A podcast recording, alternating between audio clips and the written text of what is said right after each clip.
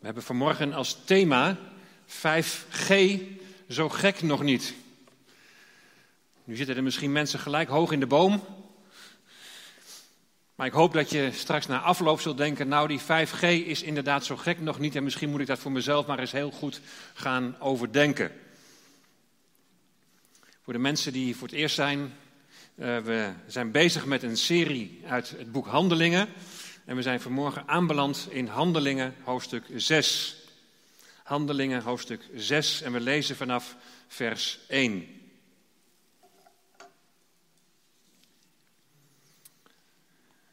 In die dagen, toen het aantal discipelen steeds toenam, ontstond er gemor van de Grieks sprekenden tegen de Hebreeën, omdat hun weduwen bij het dagelijks dienstbetoon over het hoofd werden gezien.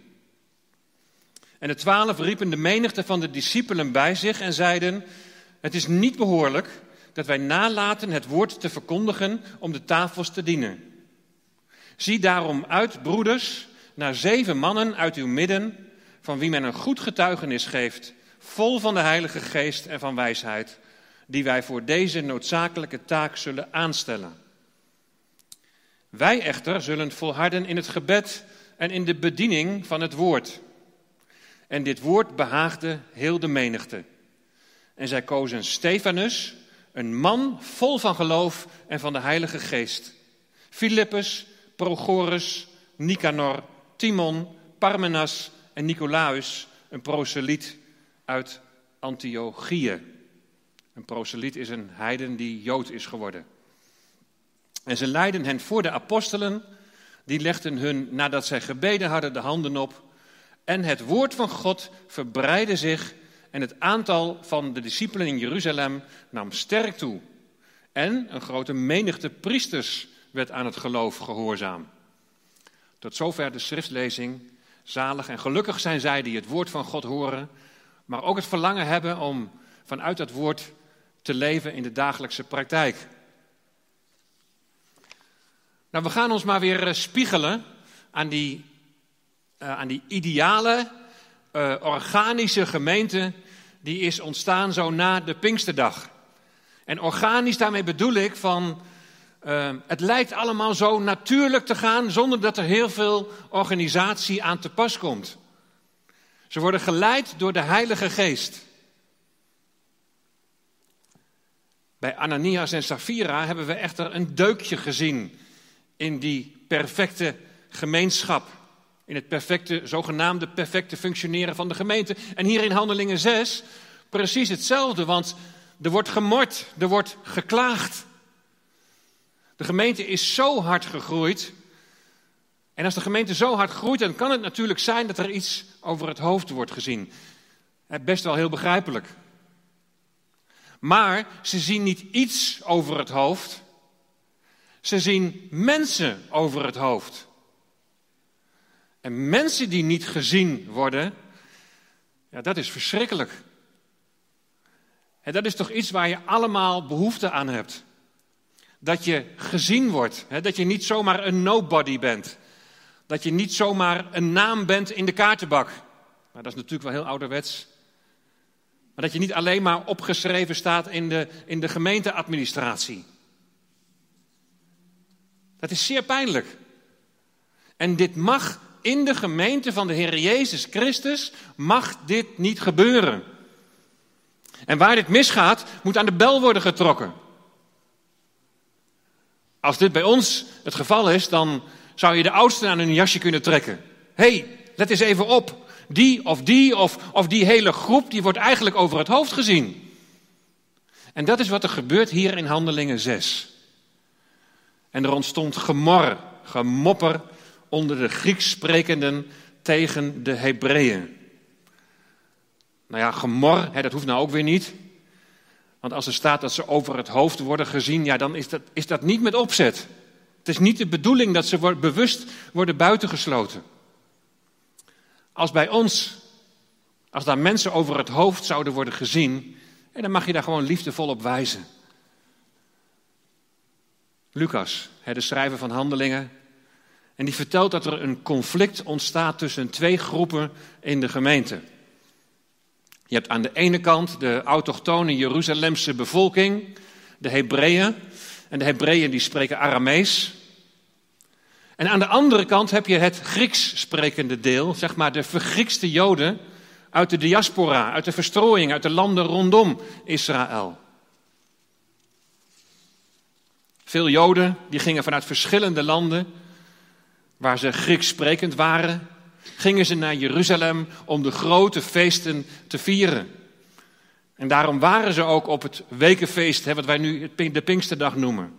Ook emigreerden heel veel Joden op hun oude dag naar de heilige stad, naar Jeruzalem, om daar te sterven en om daar begraven te worden. Dat was ook de reden waarom er zoveel weduwen in Jeruzalem waren. En dan vertelt Lucas inderdaad dat er een conflict is in verband met het dienstbetoon. Er is een conflict in verband met de diaconia, de diakonos. Want dat is het Griekse woord voor dienstbetoon. De, het dienstbetoon, de, gemeenschap, de gemeenschappelijke maaltijden gaat het dan over, waaraan iedereen van de gemeente kan deelnemen. Als ik hier vanmorgen nou totaal onvoorbereid had gestaan en jullie zouden me vragen van, kun je iets delen over Handelingen 6? En ik zou deze gebeurtenis eerst eens even in wat eigen woorden terugvertellen, en zoals dat ook bij de Discovery Bible Study gebeurt, dan zou dat ongeveer als volgt gaan. Er is een groep weduwen die bij het uitdelen van het voedsel over het hoofd wordt gezien. Zij krijgen dus niets of ze krijgen niet voldoende. En daarom worden er zeven mannen aangesteld als diaken om dit beter te organiseren, zodat de twaalf apostelen hun tijd kunnen besteden aan hun eerste roeping, aan woord en gebed. Maar ik sta niet onvoorbereid. En straks zullen jullie zien aan het eind van de overdenking dat ik het dan toch iets anders zou verwoorden. Zeven diakenen. En wij kennen hier in de gemeente het begrip diaken helemaal niet. Maar ik ben er uiteraard wel mee bekend. En dan ontkom ik er toch even niet aan om iets over vroeger te vertellen. Afgelopen jaar had ik twee feestjes van dankbaarheid kunnen vieren. 1 februari, toen eh, was ik 12,5 jaar voorganger. Vanaf 1 september 2007 gedurende 7 jaar in Deventer. En, vanaf, en tot ja, februari 5,5 jaar hier in de Fontein. Dus dat is nu al bijna weer 6, 6,5 jaar. Waar blijft de tijd? En 1 februari. Oh nee, dat heb ik net gezegd. Maar ik voel me allereerst voel ik me oudste in de gemeente. En dat ben ik al wat langer. En dat ben ik vanaf september 1995. Dus dat was september, precies 25 jaar geleden, onafgebroken oudste in de gemeente. 25 jaar geleden werd ik als oudste bevestigd in de Baptistengemeente, de Unie-Baptistengemeente in Deventer. En toen kreeg ik dit tegeltje kreeg ik van mijn schoonmoeder. En daar staat op, die u roept is getrouw. En die hangt nog altijd op mijn studeerkamer. Die u roept is getrouw. En daarom zeg ik ook een feestje van dankbaarheid. Want de Heer is trouw geweest, Hij heeft ons geleid, Hij heeft ons vastgehouden. Je kunt het lezen in 1, Thessalonicense 5, vers 24. En die tekst gaat nog verder, die is prachtig. Hij die u roept is getrouw en hij zal het doen. Maar goed, even terug naar die gemeente. Hier zie je zo het kerkgebouw. En dat kerkgebouw, daar kwamen we samen. En daar komt de Baptistengemeente nog steeds samen. En dat kerkgebouw dat is oorspronkelijk ontworpen voor de Nederlands hervormde diaconie. En in 1964 is het gekocht door de Baptisten.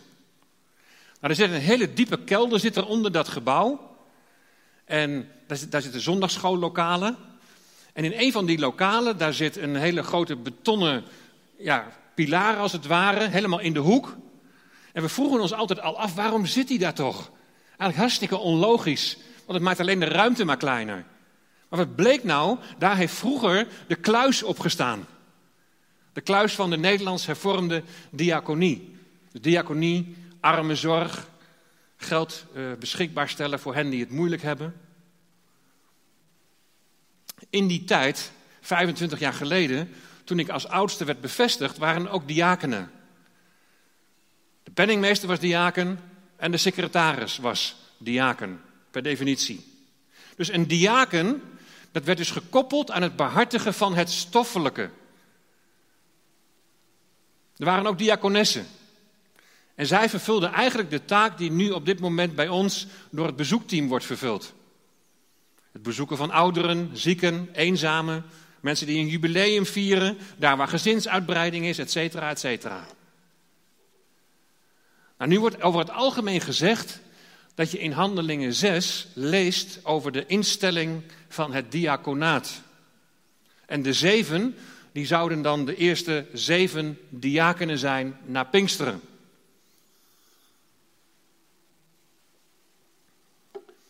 In de kerken, daar is een eh, formulier met betrekking tot het aanstellen van ouderlingen en diakenen. En u weet, ik heb helemaal geen kerkelijke achtergrond, dus ik vind het best wel interessant om er eens in te duiken. Hoe werkt dat nou allemaal? En het gaat ook helemaal niet om het een tegenover het ander te gaan stellen, maar gewoon eens van wat, wat gebeurt er eigenlijk? En, en ze hebben zo'n formulier bijvoorbeeld bij de PKN en dan staat daar het volgende over de instelling van het diakenambt. Kunnen we lezen in het boek Handelingen. Handelingen 6, vers 1 tot en met 6. Zie je? En daar staat dat de apostelen aanvankelijk zelf de armenzorg hebben behartigd. De opbrengst van de verkochte goederen werd aan de voeten van de apostelen gelegd en er werd uitgedeeld naarmate ieder nodig had. Maar er ontstond ontevredenheid omdat Grieks sprekende weduwen bij de dagelijkse uitdeling werden overgeslagen.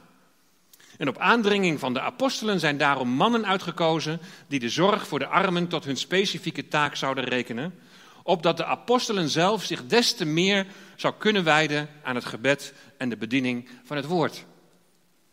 Dus je ziet, de nadruk ligt heel sterk op de armenzorg. Armenzorg ervan uitgaande dat in Handelingen 6 de Grieks sprekende weduwen niet voldoende of geen eten krijgen bij het uitdelen. In de gereformeerde kerk vrijgemaakt, daar hebben ze het iets anders verwoord. Daar zeggen ze het volgende. We lezen in Handelingen 6, dus weer Handelingen 6 komt daar naar voren, hoe de apostelen speciale ambtsdragers lieten kiezen toen ze zelf niet meer in staat waren al het werk in de kerk naar behoren te verrichten. De diakenen moeten ervoor zorgen dat de hulpverlening in en door de gemeente goed verloopt. Ze bezoeken de gemeenteleden thuis om zich op de hoogte te stellen van hun moeiten. Dus daar zie je weer eigenlijk een beetje datzelfde, maar die zin is nog niet afgelopen. Ze bezoeken de gemeenteleden thuis om zich op de hoogte te stellen van hun moeiten of om hen aan te sporen tot dienstbetoon. Ze inventariseren, staat daar in het formulier, ze inventariseren de gaven van de gemeenteleden en zetten die in waar dat nodig is. Dus de diakenen als een soort van arbeidsbureau.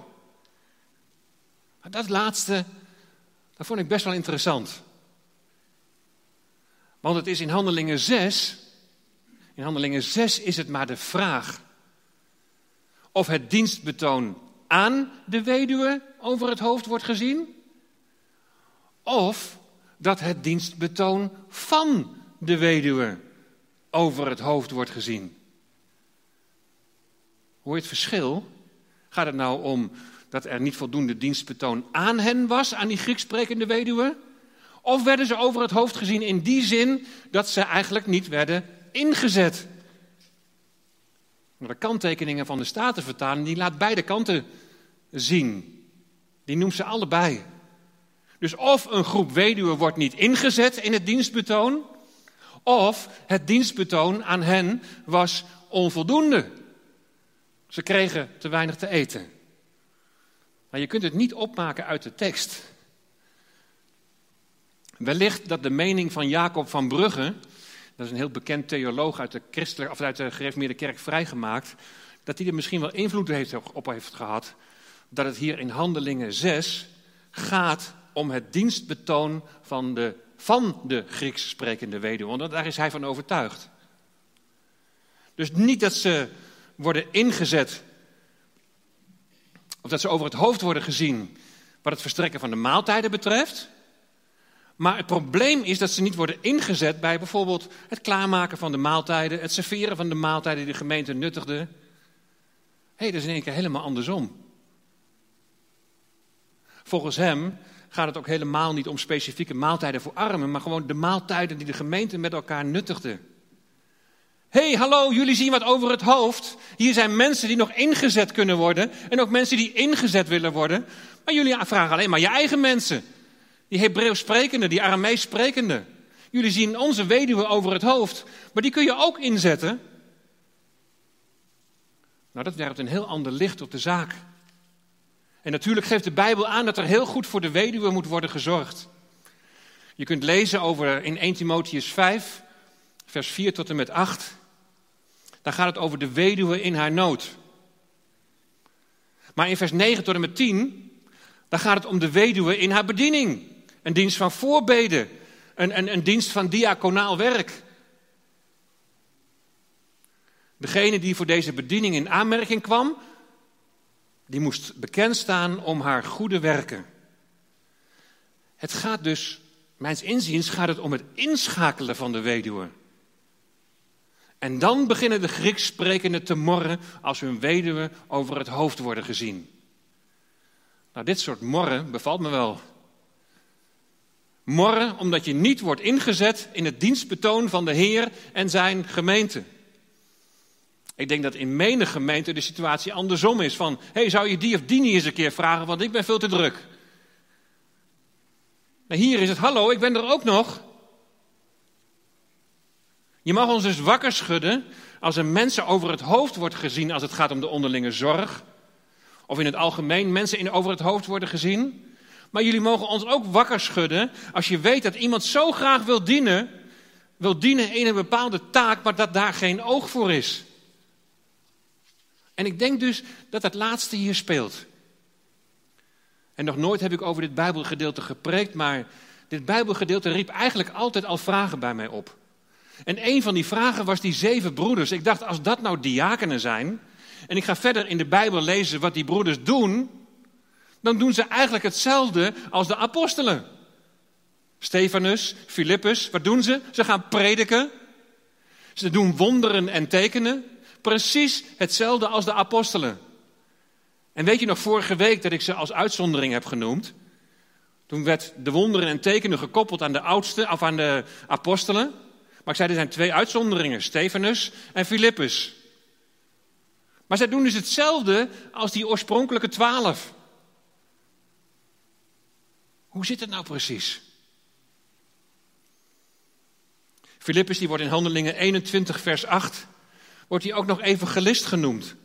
En als je dan de herziene statenvertaling leest, dan staat er dat hij een van de zeven diakenen was. Maar diakenen staat helemaal niet in de grondtekst in het Grieks.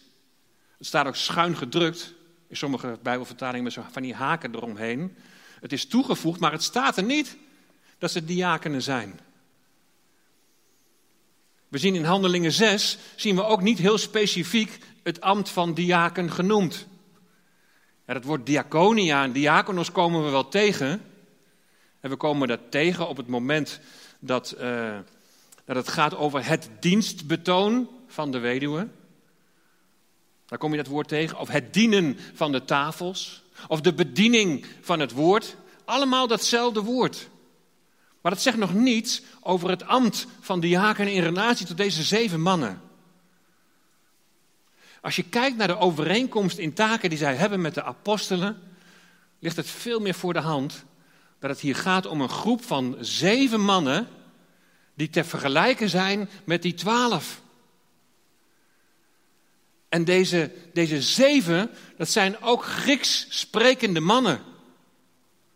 Dus nu hebben ook de Grieks sprekende, die hebben mannen met gezag uit hun eigen achtergrond, die hun belangen behartigen.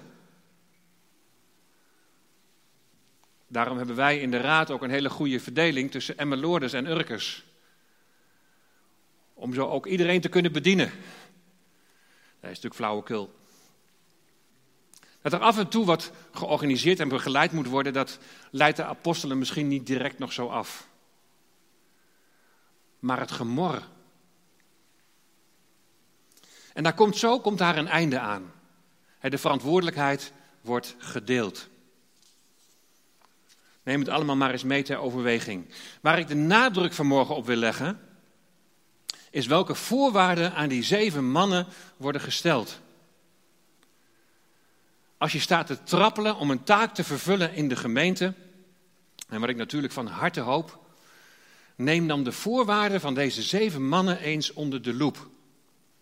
En die waren natuurlijk heel specifiek voor die, voor die zeven en voor een hele verantwoordelijke taak in de gemeente.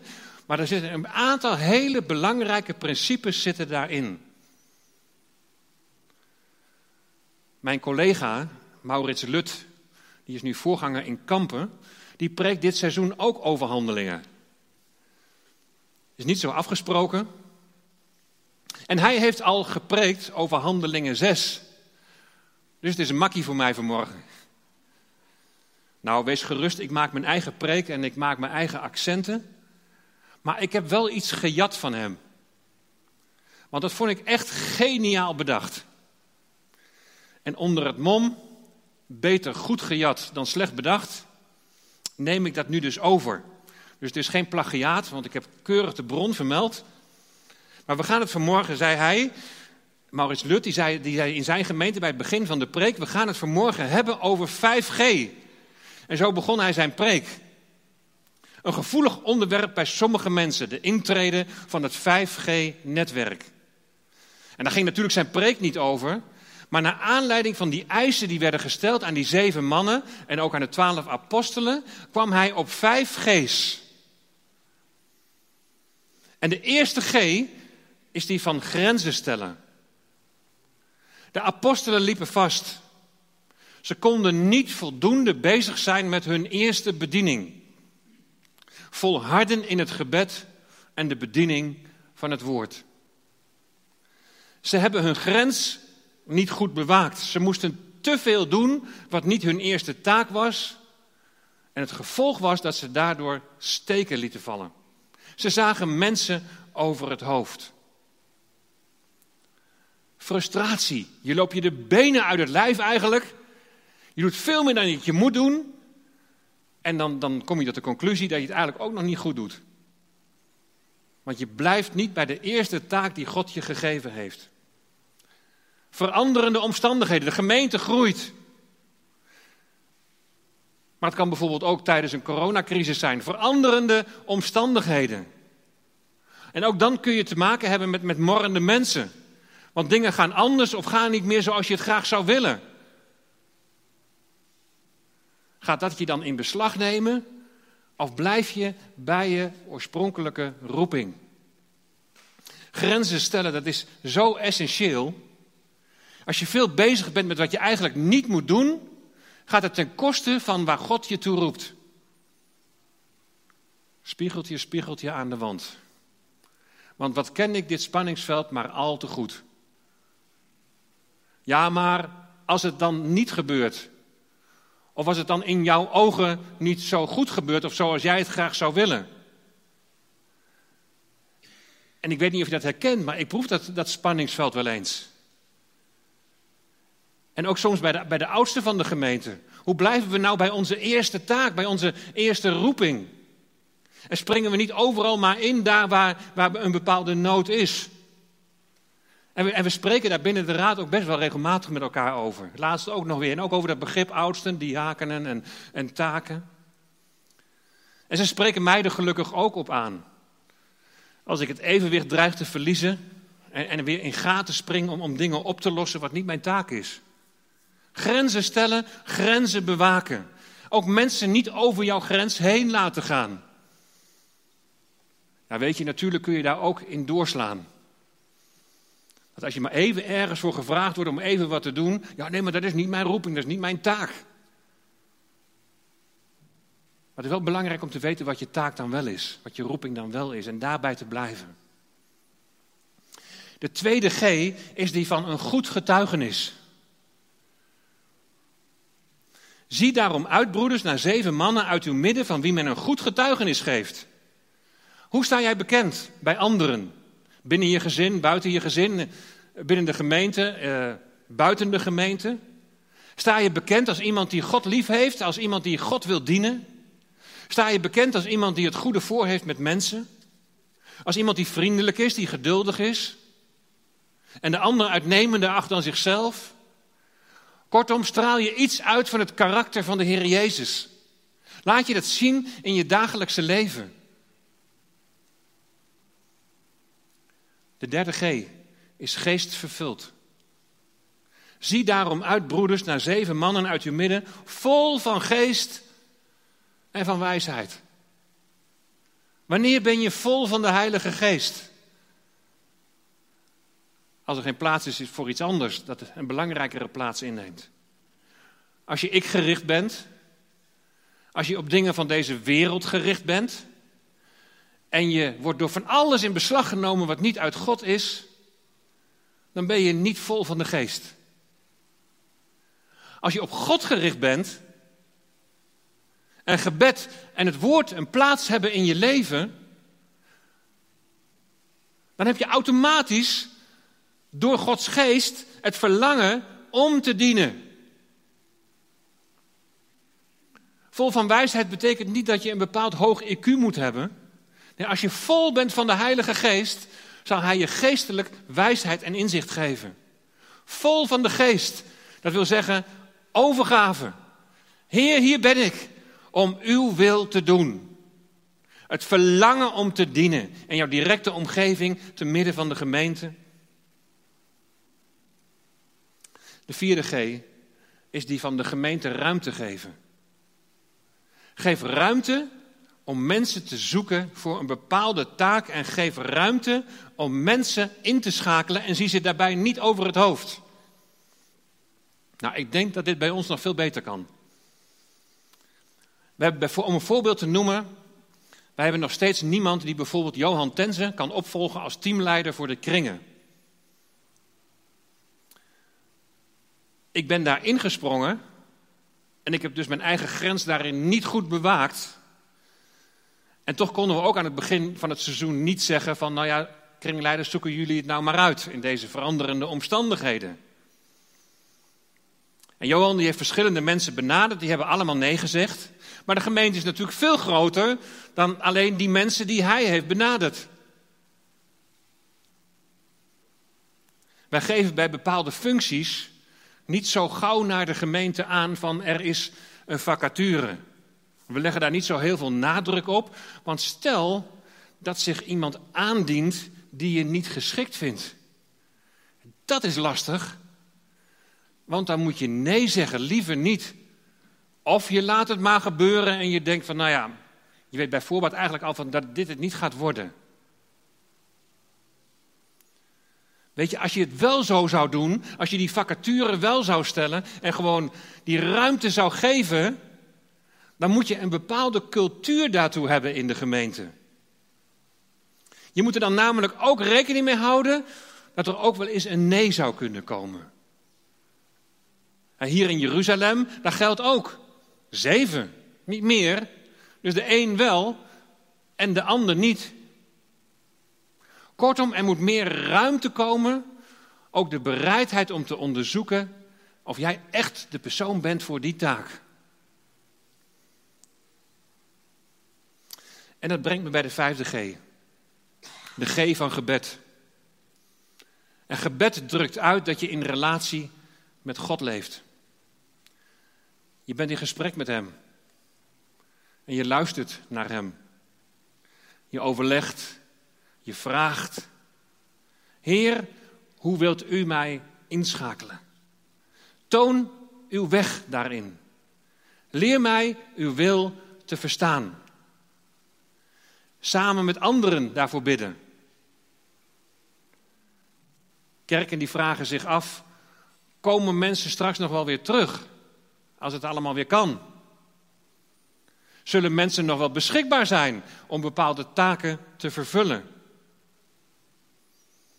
Weet je, dit is juist de tijd om je rug te rechten en beschikbaar te zijn. Het is nu de tijd om dicht bij God te leven. Altijd natuurlijk, maar nu helemaal. Om betrokken te zijn in het lichaam van Christus. We hebben bij het kindermoment gezien, dat ene lichaam met die vele leden die samen een eenheid met elkaar vormen. Juist nu is het de tijd om beschikbaar te zijn. Om kinderen, om jongeren naar de Heer Jezus te leiden. voordat het te laat is. Laat je inschakelen bij het dagelijks dienstbetoon. De Grieks sprekenden zeiden van, hallo, er worden mensen over het hoofd gezien. Zeg gerust, hallo, ik word over het hoofd gezien. Geestelijke groei en beschikbaar zijn in de dienst van de Heer, dat gaat hand in hand. Weet je, als jij je terugtrekt, als je een terugtrekkende beweging gaat maken, dan zal je geestelijk leven op zijn minst stagneren of achteruit gaan. Weet je, het zal in de komende tijd zal het niet makkelijk worden. En we zullen nog voor hele grote uitdagingen komen te staan. De afval neemt toe. En nu nog discussies over beperkende maatregelen. En straks, ja eigenlijk nu al, gaat de discussie losbarsten rond het vaccin. En zogenaamd zal die niet verplicht worden gesteld. Maar nu zegt Hugo de Jonge al dat degenen die het niet nemen minder snel kunnen terugkeren naar het oude normaal. Ik geloof niet dat het vaccin al het teken van het beest is. Maar wat we wel zien, dat alles in deze wereld daar naartoe werkt. Dat het toegaat naar controle, naar concentratie van macht, van manipulatie en controle. En in die duistere wereld mogen wij het licht van de Heer Jezus laten zien. Eensgezind van hetzelfde verlangen dat de naam van Jezus wordt verkondigd. 5G, zo gek nog niet. Zien we jou over het hoofd? Dat doen we niet met opzet. Laat je horen. Bewaak je grenzen. Wees een goed getuigenis naar je omgeving. Wees vol van de Heilige Geest. Geef elkaar ruimte om te dienen. En blijf voortdurend in relatie met je hemelse Vader en bid. Opdat de naam van Jezus wordt verhoogd. Hij die fundament is van ons leven. Zijn naam zij geloofd en geprezen. Halleluja. Amen. Laten we samen bidden.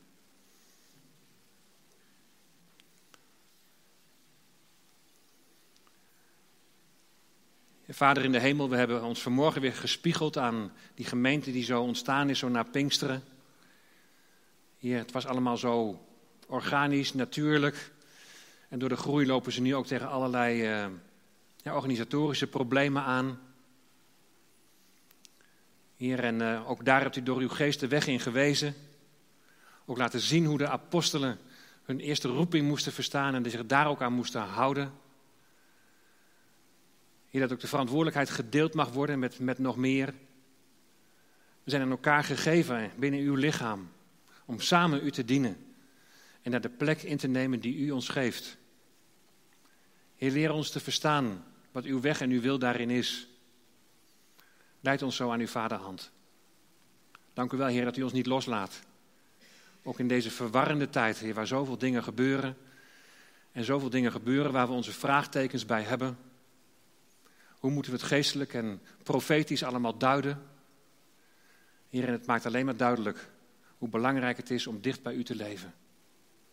Om dicht bij u te zijn.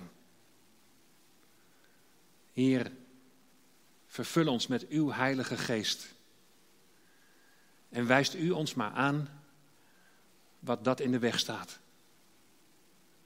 Dat we mogen afleggen wat ons afleidt van wat niet van u is.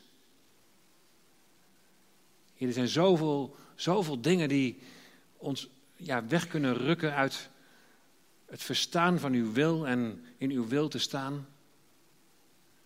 Zoveel dingen die ons kunnen afleiden, waar we misschien heel druk mee bezig zijn, maar wat niet uw bedoeling is. Heer, maak ons vol van u. Bouw uw gemeente ook juist in deze tijd. En het gemeente zijn, Heer, is niet afhankelijk van het samenkomen in dit gebouw. Maar zoals we van onze Afrikaanse broeders net in het filmpje al mochten zien. We mogen de kerk bij de mensen brengen. En die kerk, die gemeente, dat zijn wij zelf. Wij zijn uw bouwwerk. Maak dat we levende stenen zullen zijn. Met een levend getuigenis. Hier, we hebben een boodschap van hoop. Stil maar, wacht maar, alles wordt nieuw. Dat is onze hoop, dat is ons uitzien, dat is onze verwachting. En dat u, Heer Jezus, zult regeren. Heer, het zal eens volmaakt zijn. Maar we zijn nog onderweg naar die dag. En Heer, dat we daarvan mogen verkondigen en zo ook naast mensen mogen gaan staan. Om hen die weg te wijzen. Heere, wees zo met ons uitgenade in Jezus' naam. Amen.